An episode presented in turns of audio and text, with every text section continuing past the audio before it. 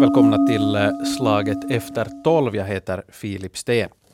Före klockan 18 idag ska parterna i den pågående kommunala kollektivavtalstvisten ge svar på ett medlingsbud åt Riksförlikningsmannen. Och blir det ett nej så inleds en vårdarstrejk i sex sjukvårdsdistrikt på fredagen. Och den här strejken eh, omfattar cirka 25 000 vårdare. Om man då inte heller framöver når någon lösning så finns det en risk att vårdarstrejken utvidgas inom ett par veckor. Vad är det som har lett fram till det här akuta läget? Det handlar dagens Slaget efter tolv om. I studion forskaren, akademilektorn i sociologi, Mika Helander. Välkommen. Tack, hej på er.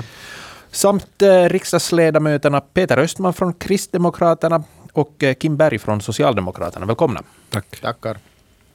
Kim Berg, eh, jag börjar med dig. För, förutom att du är riksdagsledamot så är du uh, nu också invald i Österbottens välfärdsområde och vald till vice ordförande för uh, fullmäktige för välfärdsområdet.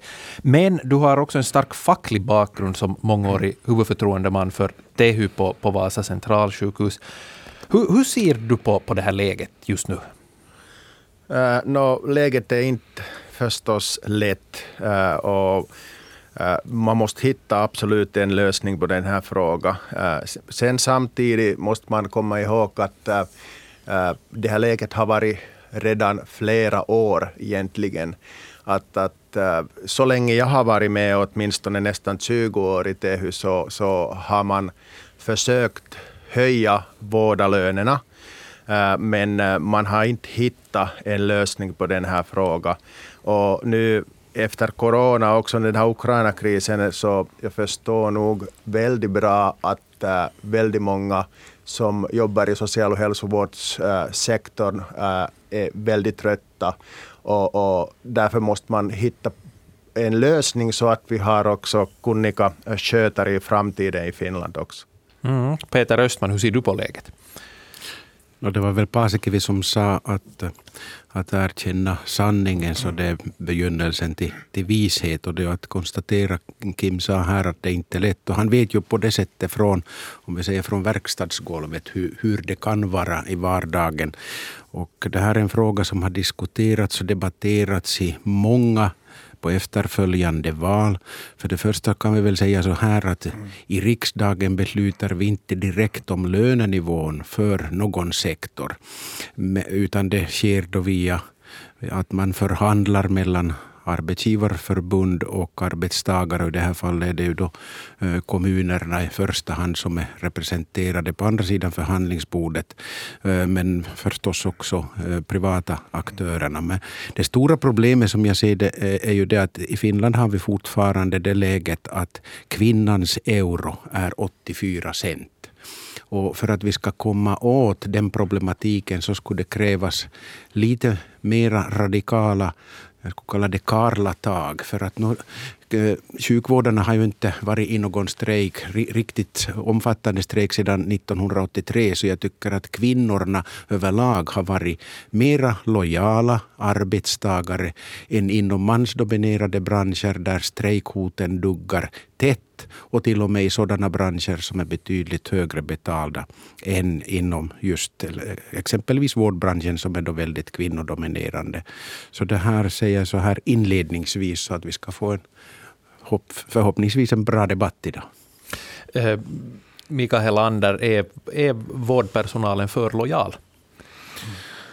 No, vi har haft ett, en sån här regim nu i kanske 30, ungefär 30 års tid där man har kört med knapphetens ekonomi för offentliga sektorn. Och följden av det här har varit just det här med att, att den här offentliga sektorn har som halkat efter i de här löneförhandlingarna och avtalsrundorna.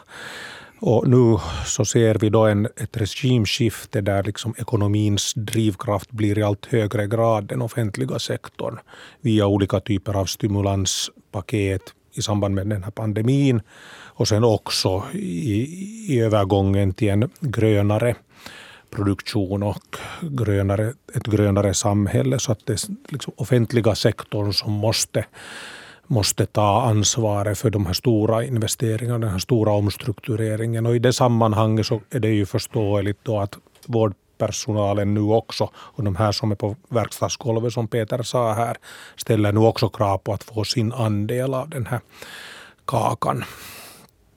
Så att en, ett indirekt svar till att eh, med den tidigare regimen så har man kanske varit för lojal och nu, nu så förverkligas det här trycket på ett sådant sätt att man vill, vill då också få sin andel av helheten kommentarer på det från jag, riksdagsledamöterna? Om jag får säga här, det kommer i, i tankarna när Helander hänvisar just till det här med offentliga sektorn som har då halkat efter. Och det finns ju risker att också den här gången så går det på samma sätt att fel part får bära eh, ansvaret för, för det här att om nu då den offentliga sektorn, och i det här fallet vårdsektorn, lyckas få eh, det lönepåslag som de skulle vara värda, så sprider det här sig eh, per automatik till övriga branscher och då kan det komma att gå på samma sätt som det gick 2011 när, ni minns säkert det här när man debatterade inför riksdagsvalet, var det någon på hösten 2010, när bland annat Samlingspartiets ordförande väldigt tydligt uttalade ett vallöfte att sjukvårdarna borde få var det 200 euro till per månad. Och, och det här så tycker jag sen när jag har analyserat den eftergående, eller på den debatt som följde på det här, att först och främst så, så fick sjukvårdarna och branschen då ta, ta ansvar för när man beskyllde eh, det här kraftiga löneförhöjningar som att det ledde till att Finland förlorade sin konkurrenskraft. Men inte var det ju sjukvårdarna som åsamkade det att Finlands konkurrenskraft försämrades utan det var det att privata sektorn och exportindustrin krävde oskäligt Eh, höga löneförhöjningar som ledde till försvagad konkurrenskraft. Och, och det här tycker jag att vi borde ta lärdom av den här gången. Och här skulle jag rikta mig till alla, alla manliga eh, fackliga organisationer eller mansdominerade branscher. Att om vi ska på riktigt åtgärda det här felet, grundfelet att kvinnans euro fortfarande är 84 cent så borde mansdominerade branscher bromsa upp lite på lång sikt. För annars så är det helt onödigt att vi, vi beklagar oss över det här att kvinnan har fortfarande 84 cent. Ja, om, om jag, jag fortsätter här så Peter tog ju upp väldigt viktiga poänger.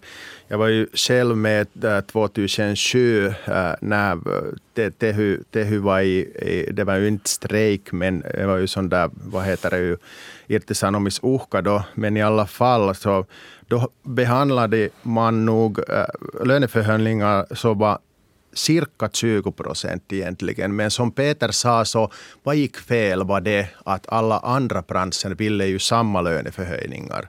Om, om, om det, det skulle ha inte hänt så skulle vi ha äh, mycket bättre situation just nu mm. äh, gällande vårdsektorns äh, löner i Finland. Och, och, det är ju viktigt förstås i framtiden också att om vi verkligen vill att vi skulle höja Äh, skötarlönerna eller vårdsektorns lönerna, äh, då måste vi kunna också prioritera. Och, och det, det, är ju en väldigt, väldigt viktig fråga vad det gäller här. Ja, jag skulle kanske vilja ta fasta på det här med vårt arbetsmarknadssystem i sammanhanget. Det som är gemensamt och likadant nu äh, med 2007 är att man hade förbundsvisa förhandlingar. Avtalsrundan var sån att man gick sektor och förbundsvis istället för sådana här helhetsavgörelser som man då hade haft i långa tider. Och det här har ju då arbetsgivarparten velat gå in för i allt högre utsträckning och till och med sen till lokala förhandlingar. Och vi har sett också en del arbetsstrider just nu och pågående arbetsstrid inom tre träförädlingsindustrin, UPM-konflikten som hänger ihop med den här liksom, trycket mot, att gå mot mera lokala branschvisa och lokala förhandlingar. Och det att arbetsgivarsidan har velat frångå det här stora nationella systemet av inkomstpolitiska helhetslösningar har då inneburit också att en typ av koordinering har gått eh, förlorat. Och därför så kan vi prata liksom lätt om att vad som skulle behövas och vad vi borde ha och, och så vidare. Men det, det, är svårt att hitta någon sån här koordinerande instans och staten har mycket begränsade möjligheter att gå in. På, som vi hörde här så har politikerna egentligen inte någonting att, att gå och blanda sig i sådana här sektorvisa förhandlingar. Man skulle kunna i en trepartsförhandling i inkomstpolitiska helhetsavgörelser komma emot med skatter och socialpolitiska lösningar, men det kan man inte göra i sådana här sektorvisa förhandlingar. Så att delvis så har vi en en konsekvens, en både förutsedd och oförutsedd konsekvens av det här systemskiftet i arbetsmarknadssystemet mot sådana här sektorvisa. Och vi har sett också, vad Peter sa här var att vi förlorade en del i vår konkurrenskraft då 2007 genom privata sektorns löneförhöjningar. Så vi har faktiskt i vår forskning så har vi sett att Finlands konkurrenskraft, priskonkurrenskraft försämras med de här sektorvisa förhandlingarna. För att det, finns, det blir en slags auktionssituation där, där olika löntagargrupper har andra löntagargrupper som sin referensgrupp. Man jämför sina löner och vill ha motsvarande eller lite bättre förhöjningar. Och det leder ofta till sådana här krångliga problematiska konsekvenser. Så det är en systemisk konsekvens. Vi har ett systemfel och jag tycker att vi borde lära oss lite av Sverige. För vi ser också konsekvenserna av det systemfel som vi har. Att till exempel i, i Sverige där man gjorde eh, reformer redan på 90-talet när det gäller hur man, hur man skulle komma överens på arbetsmarknaden så, så har de betydligt bättre track record än vad vi har i Finland. Ser man bara på de olagliga strejkernas andel i Finland så på 15 år hade vi 1600 olagliga strejker i Finland. Alltså olaglig betyder att man bryter helt enkelt mot lagen och det är ju inte heller rätt. Medan under samma tidpunkt i Sverige hade man endast 31 olagliga strejker. Och det här borde vi ju komma, komma bort från eh, snarast, snarast möjligt. Och, men här, här så kommer nog också facket har också ett stort ansvar, eh, ett moraliskt ansvar på vilket sätt man agerar. Men i det här fallet när det gäller vårdarstrejken så skulle jag säga att det är ju både de nyttjar sin både lagliga och moraliska rättighet till strejk. Det, eh, strejkrätten är, är lagstadgad, ja, men det fin, man kan säga att det finns både lagliga och moraliska, men så kan det finnas lagliga och etiskt ifrågasättande strejker ibland också. Mikael lyfte fram en viktig fråga här. Jag skulle kunna lite tillägga där. Eh, han lyfte fram det här trepartsförhandlingar. Eh, jag har ju varit med ganska länge och man kan ju säga att jag har suttit nästan i alla bord eh, som, som egentligen har förhandlat de här lönerna. Och, och, och därför har jag ju eh, fått sån där insyn på den här frågan att fast det är arbetsmarknadsparter som förhandlar om lönerna, så egentligen pengarna kommer egentligen från staten. Och, och nu förstås äh, fortfarande så det är ju kommunerna egentligen som äh, som betalar de här lönerna, men i, i, efter årsskiftet så kommer det ju mera direkt från staten när välfärdsområdena börjar. Och därför anser jag nog att, att för att hitta en lösning så borde man sitta i samma båt egentligen och fortsätta det här trepartsförhandlings äh, äh, äh, uh, histori som vi har haft i Finland och som har egentligen funkat väldigt bra. Och, och, så att fast, fast arbetsmarknadsparter förhandlar om lönerna, men om det inte finns pengarna så äh, hittar vi Eh, knappast en lösning som går igenom egentligen. Och där behöver man också staten med. Och i det där läget så anser jag nog att eh, åtminstone i, i fortsättningen så det är ju en äh, sak som hör också till riksdagen. Den där finansieringsdelen som Peter ofta lyfter fram. Men för att hitta en lösning på den här frågan så anser jag nog att vi skulle kunna lite backa och uh, börja igen, uh, igen uh, de här trepartsförhandlingarna som vi har haft tidigare om jag får komma, komma med in, inflikande där så, så skulle jag säga att jag är inte någon stor vän av trepartsförhandlingarna när det gäller den privata sektorn. Offentliga sektorn förstår jag eftersom pengarna kommer som som Kim säger, från staten. Men staten får ju sina pengar någonstans ifrån. Om vi tänker tillbaka på 80 och 90-talet så hade man ju stark fokusering på de här trepartsförhandlingarna. Men ändå så ledde ju det till att Finland förlorade sin konkurrenskraft. Eh, på den tiden så hade man möjligheten att devalvera och det höll man ju på med då ända tills vi gick med i euron. Nu har vi inte mera den möjligheten och det betyder det att den privata sektorn så den, den måste vara konkurrenskraftig hela tiden för annars så kommer inte heller staten att få de medel som vi behöver till den offentliga sektorn. Men ännu då det som Kim, Kim sa, när det gäller nu den här framtida finansieringen av de här välfärdsområdena, jo, pengarna ska komma från staten. Och det här var vi medvetna om också i KDs riksdagsgrupp på hösten när vi diskuterade budgeten för, för det här kommande året. Och vi föreslog då eh, halvmiljarder extra eh, för att vi, vi ville beakta de här kommande löneförhöjningarna. Men jag nämnde också faktiskt i mitt gruppanförande att halv miljard kommer egentligen inte att räcka till. Att om vi är ärliga mot oss själva och inser vad det egentliga behovet skulle vara för att vi ska ha en fungerande vårdsektor med tillräckligt vårdpersonal så pratar vi om summor som är över två miljarder.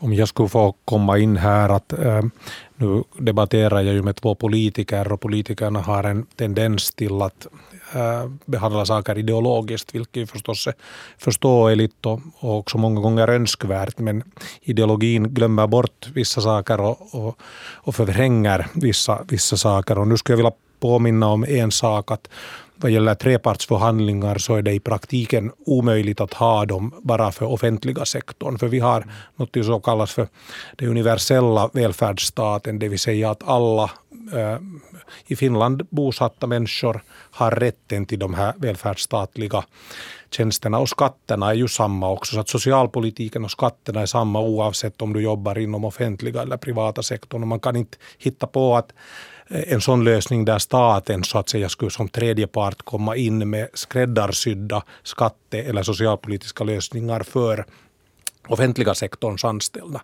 Därför måste alla vara med. Och det, det var det som var, var det briljanta just i den här stora inkomstpolitiska systemet, alltså helhetsavtalen som var nationella. Men får jag fråga då där, eh, i jämförelse till med systemet man har i Sverige där man inte har Ja, jag skulle kunna treparts. gå in på den saken att nu fanns det ju en ambition i Finland också att gå in för det här som kallas för finländska modellen men som där egentligen modellen kom från Sverige och i Sverige kallas det för märket. Och tanken var ju den då att de här exportsektorerna skall som sektorer då förhandla fram löneförhöjningarna först och sen måste offentliga sektorn anpassa sig till det mm. så att man inte Eh, förhandlar sig fram till högre löneförhöjningar. Nu har vi på två sätt ett, en problematisk situation vad gäller det här. Å ena sidan så håller de här exportsektorerna som träförädlingsindustrin att spjälkas upp då till ännu mindre, till koncernspecifika avtal. Det vill säga att det, den är ännu, det differentieras ännu mindre till mindre helheter och man har liksom olika löneförhöjningar, olika arbetsvillkor i olika koncerner. Så man kan inte säga om att exportsektorn skulle få handla då, några bestämda sektorer Eh, visserligen i teknologibranschen så hade man då mera enhetligt, men, men det finns tendenser, tryck på att man frångår de här sektorspecifika. Det, det blir en differentiering, det är ena saken. Och den andra saken är det att den här ekonomins drivkraft är ju nu då den offentliga sektorn i sådana här krissituationer som vi då har haft, pandemin och eh, den, det är också delvis det här Ukraina-kriget eller dess konsekvenser då för ekonomin. Så att då i det sammanhanget så är det kanske liksom lite felaktigt att ha den här privata sektorn som det märket enligt vilket man förhandlar. Så att det är problematiskt utifrån den synvinkeln just nu i det här historiska läget. Men sen det tredje som jag vill påminna om är ju budgettekniken. Att man kan säga i riksdagen att man reserverar två miljarder eller reserverar mera och det är ett uttryck för god vilja. Men budgettekniskt går det, ni får rätta mig om jag har fel, men det går till på ett sådant sätt att först förhandlar man eh, avtalen och sen anpassas budgeterna efter det. Och det är, offent- och det är liksom beslutsfattarnas ansvar är ju då att hitta pengarna på olika sätt genom skatter eller låntagning eller andra metoder att hitta avgifter eller det finns ju liksom olika metoder att hitta pengarna till att kunna betala de kostnader som finns inom sektorn. Men man kan så att säga inte reservera pengarna på förhand och ge det här som ett märke till förhandlarna att det här kan ni förhandla enligt utan ni måste först förhandlar man och sedan kommer pengarna. Ja, men det är ju regeringspartierna som förhandlar eh, då, förrän man kommer med budgetförslaget till riksdagen för följande års. Och, och det är ju det skede som då vi inom oppositionen har möjlighet att, att påpeka eh, de oegentligheter eller svaga punkter som finns i, i budgetförslaget. Sen till det här med ideologiska skillnader så tror jag trots att vi nu här sitter en representant för regeringspartiet, statsministerpartiet och Socialdemokraterna och ett oppositionsparti, Kristdemokraterna, så tror jag inte att det finns så stor ideologisk eh, skiljesynsätt när det gäller det här solidariteten med de svaga. Och i det här fallet så är de svaga, eh, det, det är vårdyrket speciellt som är i en svagare ställning. Och därför så hänvisar jag då också till de här mansdominerade starka branscherna, att de borde så att säga bromsa upp sitt ha-begär att, att, att, få ökade inkomster. Visst vill vi alla ha så bra eh, lönenivå som möjligt, men om vi ska prata om solidaritet så borde fackorganisationer fackorganisationerna internt och sinsemellan också fundera på det här, för vi har ett stort samhällsproblem som är gemensamt för oss alla om inte vi hittar lösningar. Mm. Jag vill, jag vill ta fasta på det där du, du nämnde Peter, om, om just solidaritet. För nu då, då vårdsektorn hotar med strejk så muttras det ju om att tidpunkten för att hota med strejk i, i vården är dåligt vald med tanke just på pressade läge inom vården efter, eh, nu under, under coronapandemin, men också då det här eh, instabila världsläget. Eh, hurdana tankar väcker, väcker sådana uttalanden hos, hos eh, er? Ja, om, om jag får börja så um, man skulle fråga att när, när är tiden rätt? Tiden har egentligen varit aldrig rätt. Också 2007, uh, fast det gick ganska bra med Finland, så tiden var inte rätt då heller. Uh, och det är ju en fråga förstås som är väldigt viktig. Att, uh, jag tror nog att eh, om man bara väntar på rätta tiden så kommer den här frågan Eh, frågan går eh, vidare aldrig. Eh, och det, det, är ju en sak som man måste komma ihåg här. Förstås, det är ju sant, tiden är väldigt dålig. Tiden, tiden är väldigt, väldigt krävande. Men jag själv anser att har vi råd att inte lyfta vårdarlönerna just nu.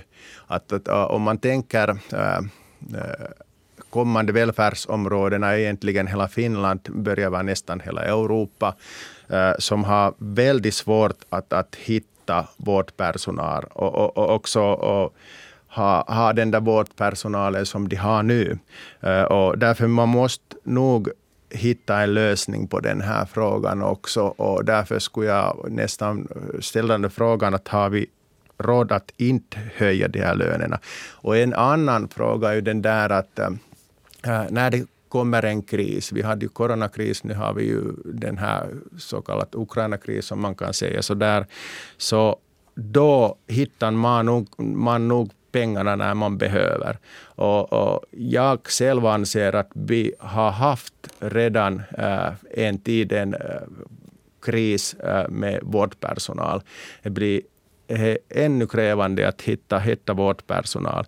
Och, och därför jag, jag anser att vi har inte råd att vänta något mera. Och, och den här äh, löneprogram med fem år är mycket bättre än att eh, efter fem år måste vi betala 30 procent mera lön för äh, vårdarna för att vi skulle få dem äh, till arbete. Ja, Kim ställde frågan i början av sitt, den här talturen, har vi råd? Och jag håller med, nej, vi har inte råd att inte höja vårdlönerna. Och att hänvisa till Ukraina-kriget, så det, det är nog fel spelkort att använda i det här läget, för att det är ju inte vårdarnas lön att eh, Ryssland har attackerat och anfallit Ukraina på, på det tragiska sätt som man har gjort. Eh, jag tycker hellre att man ska se bakåt i historien och mäta att hur lojal har vård, de som jobbar inom vårdbranschen varit mot sina arbetsgivare.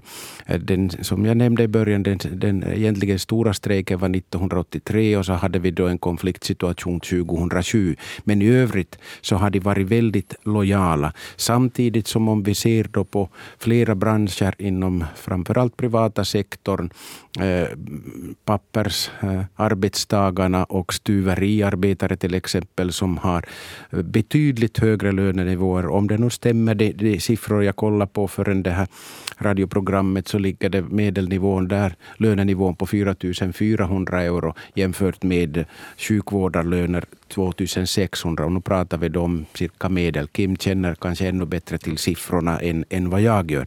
Men så det, den här strejken är, eh, som jag bedömer det, de har den lagliga strejkrätten och det är också moraliskt berättigade.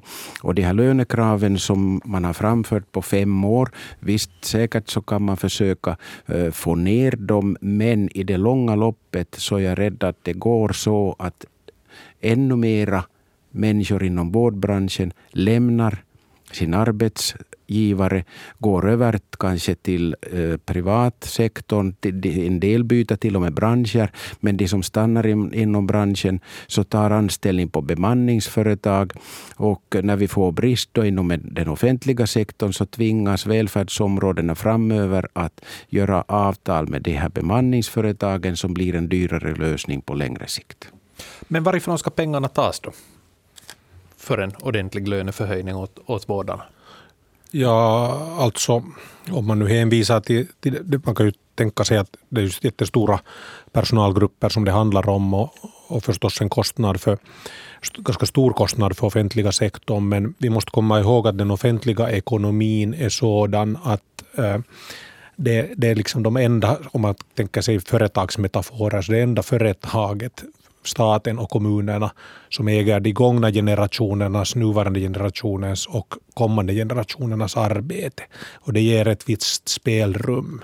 Att det finns ju också ackumulerat och materialiserat i all infrastruktur som vi har i samhället, men förstås också i möjligheten att ta lån i ett sånt eh, tillitssamhälle som vi har i Finland, att ta lån med väldigt låg ränta och det finns ingen, ingen större skuldkris för finländska offentliga ekonomin att tala om. Så att, eh, det borde inte vara en omöjlighet, i synnerhet nu med den internationella utveckling som vi ser och det här regimskiftet från en slags sån här eh, monetaristisk politik till en mera, mera, om man nu skulle säga en ny variant av keynesianism.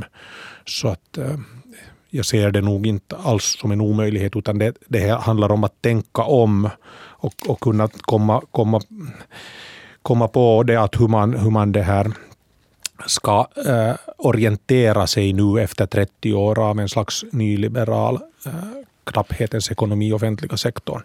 Och sen ville jag bara hänvisa till den på sätt och vis moraliska aspekten av diskussionen som Peter också hänvisar till att Eh, har man rätt till de här löneförhöjningskraven. Att jag, kom, jag kom att tänka på när man diskuterade det här, så här litterära termer på Väinö Linnas Okänd soldat, där det finns en episod där fältwebern inte vill ge riktigt ordentliga, ordentlig utrustning till den här soldaten som ska i front. Att han får för små skor och, och kanske för små jackor och, och, och byxor också.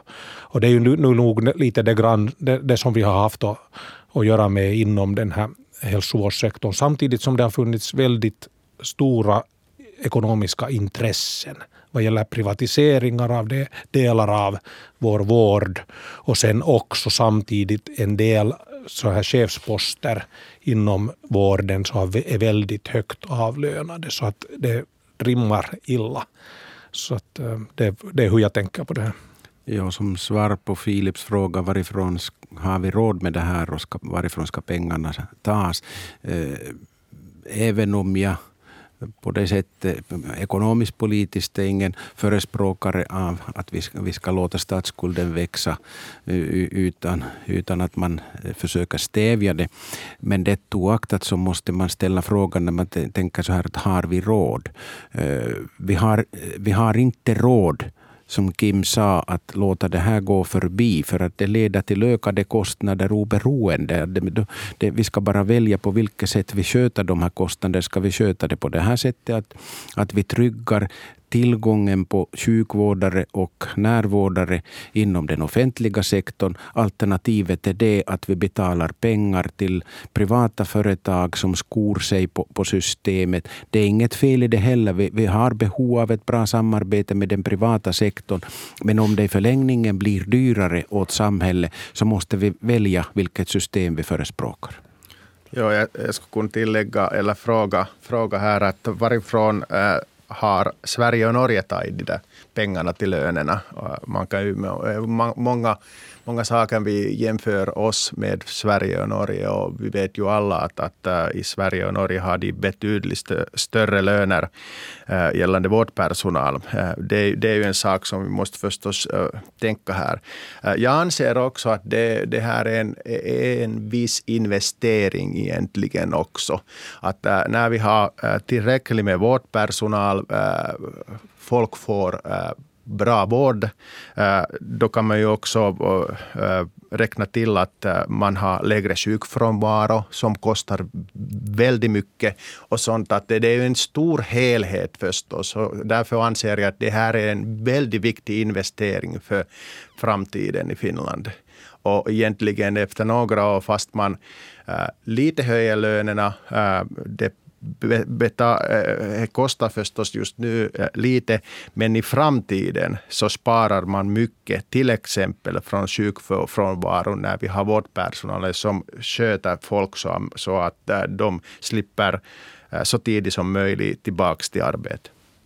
Missar man en chans här då, i och med den här omorganiseringen av, av vården i, i, i de här välfärdsområdena, att man där redan skulle ha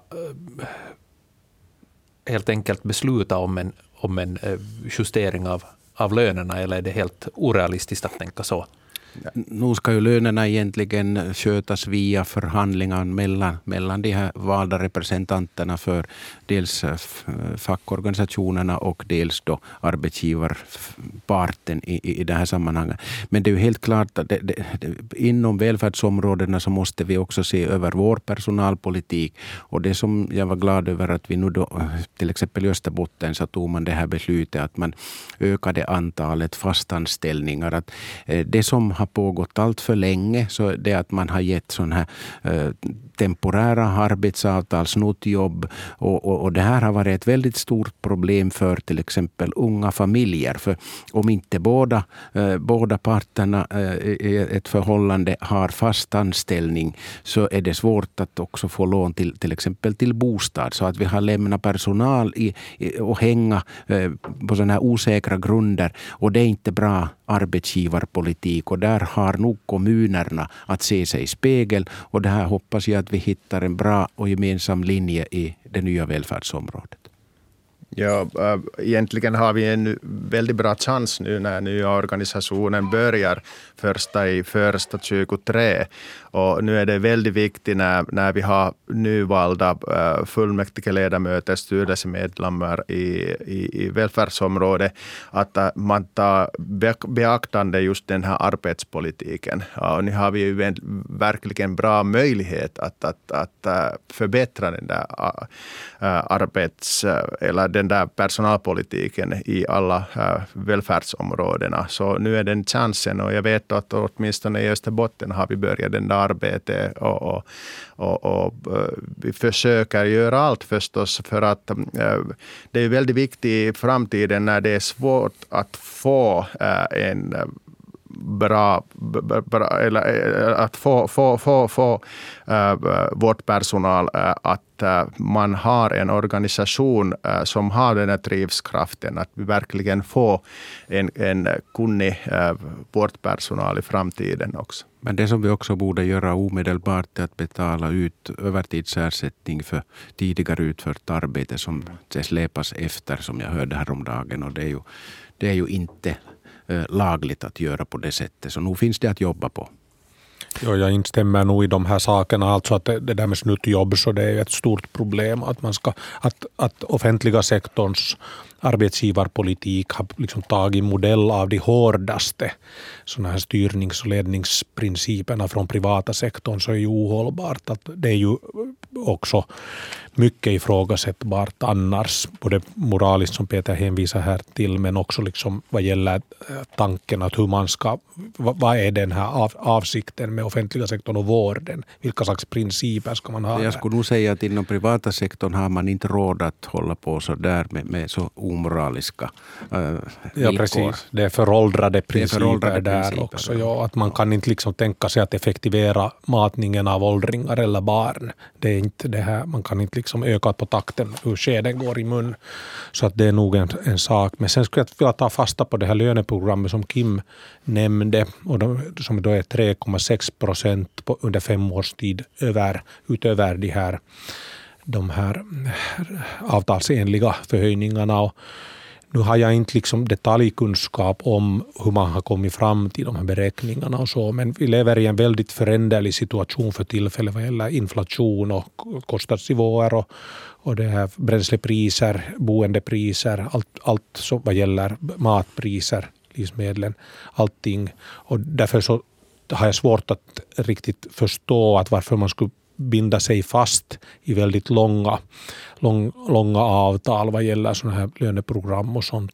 Eh, att jag ser en viss, fast det är tungt att förhandla och förhandla ofta med korta avtal, så ser jag en viss logik i det att man har det flexibelt efter den situation som finns i samhället och de ekonomiska förändringar. Så att jag ser också vissa risker, inte endast liksom utifrån den här offentliga sektorns ekonomis synvinkel, men också från de här löntagarkategoriernas synvinkel, från det att man binder sig fast i väldigt lång tid i en bestämd förhöjningsmekanism.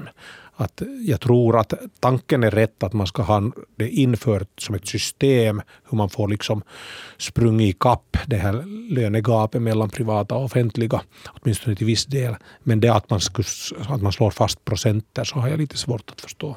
Ja, men det är väl, man har presenterat en vision på längre sikt just så att också de som jobbar inom branschen ska kunna se den här visionen att så här kommer det att gå på längre sikt. Nu börjar vi tyvärr närma oss slutet på vår sändningstid här, så jag får tacka för en mycket intressant eh, diskussion.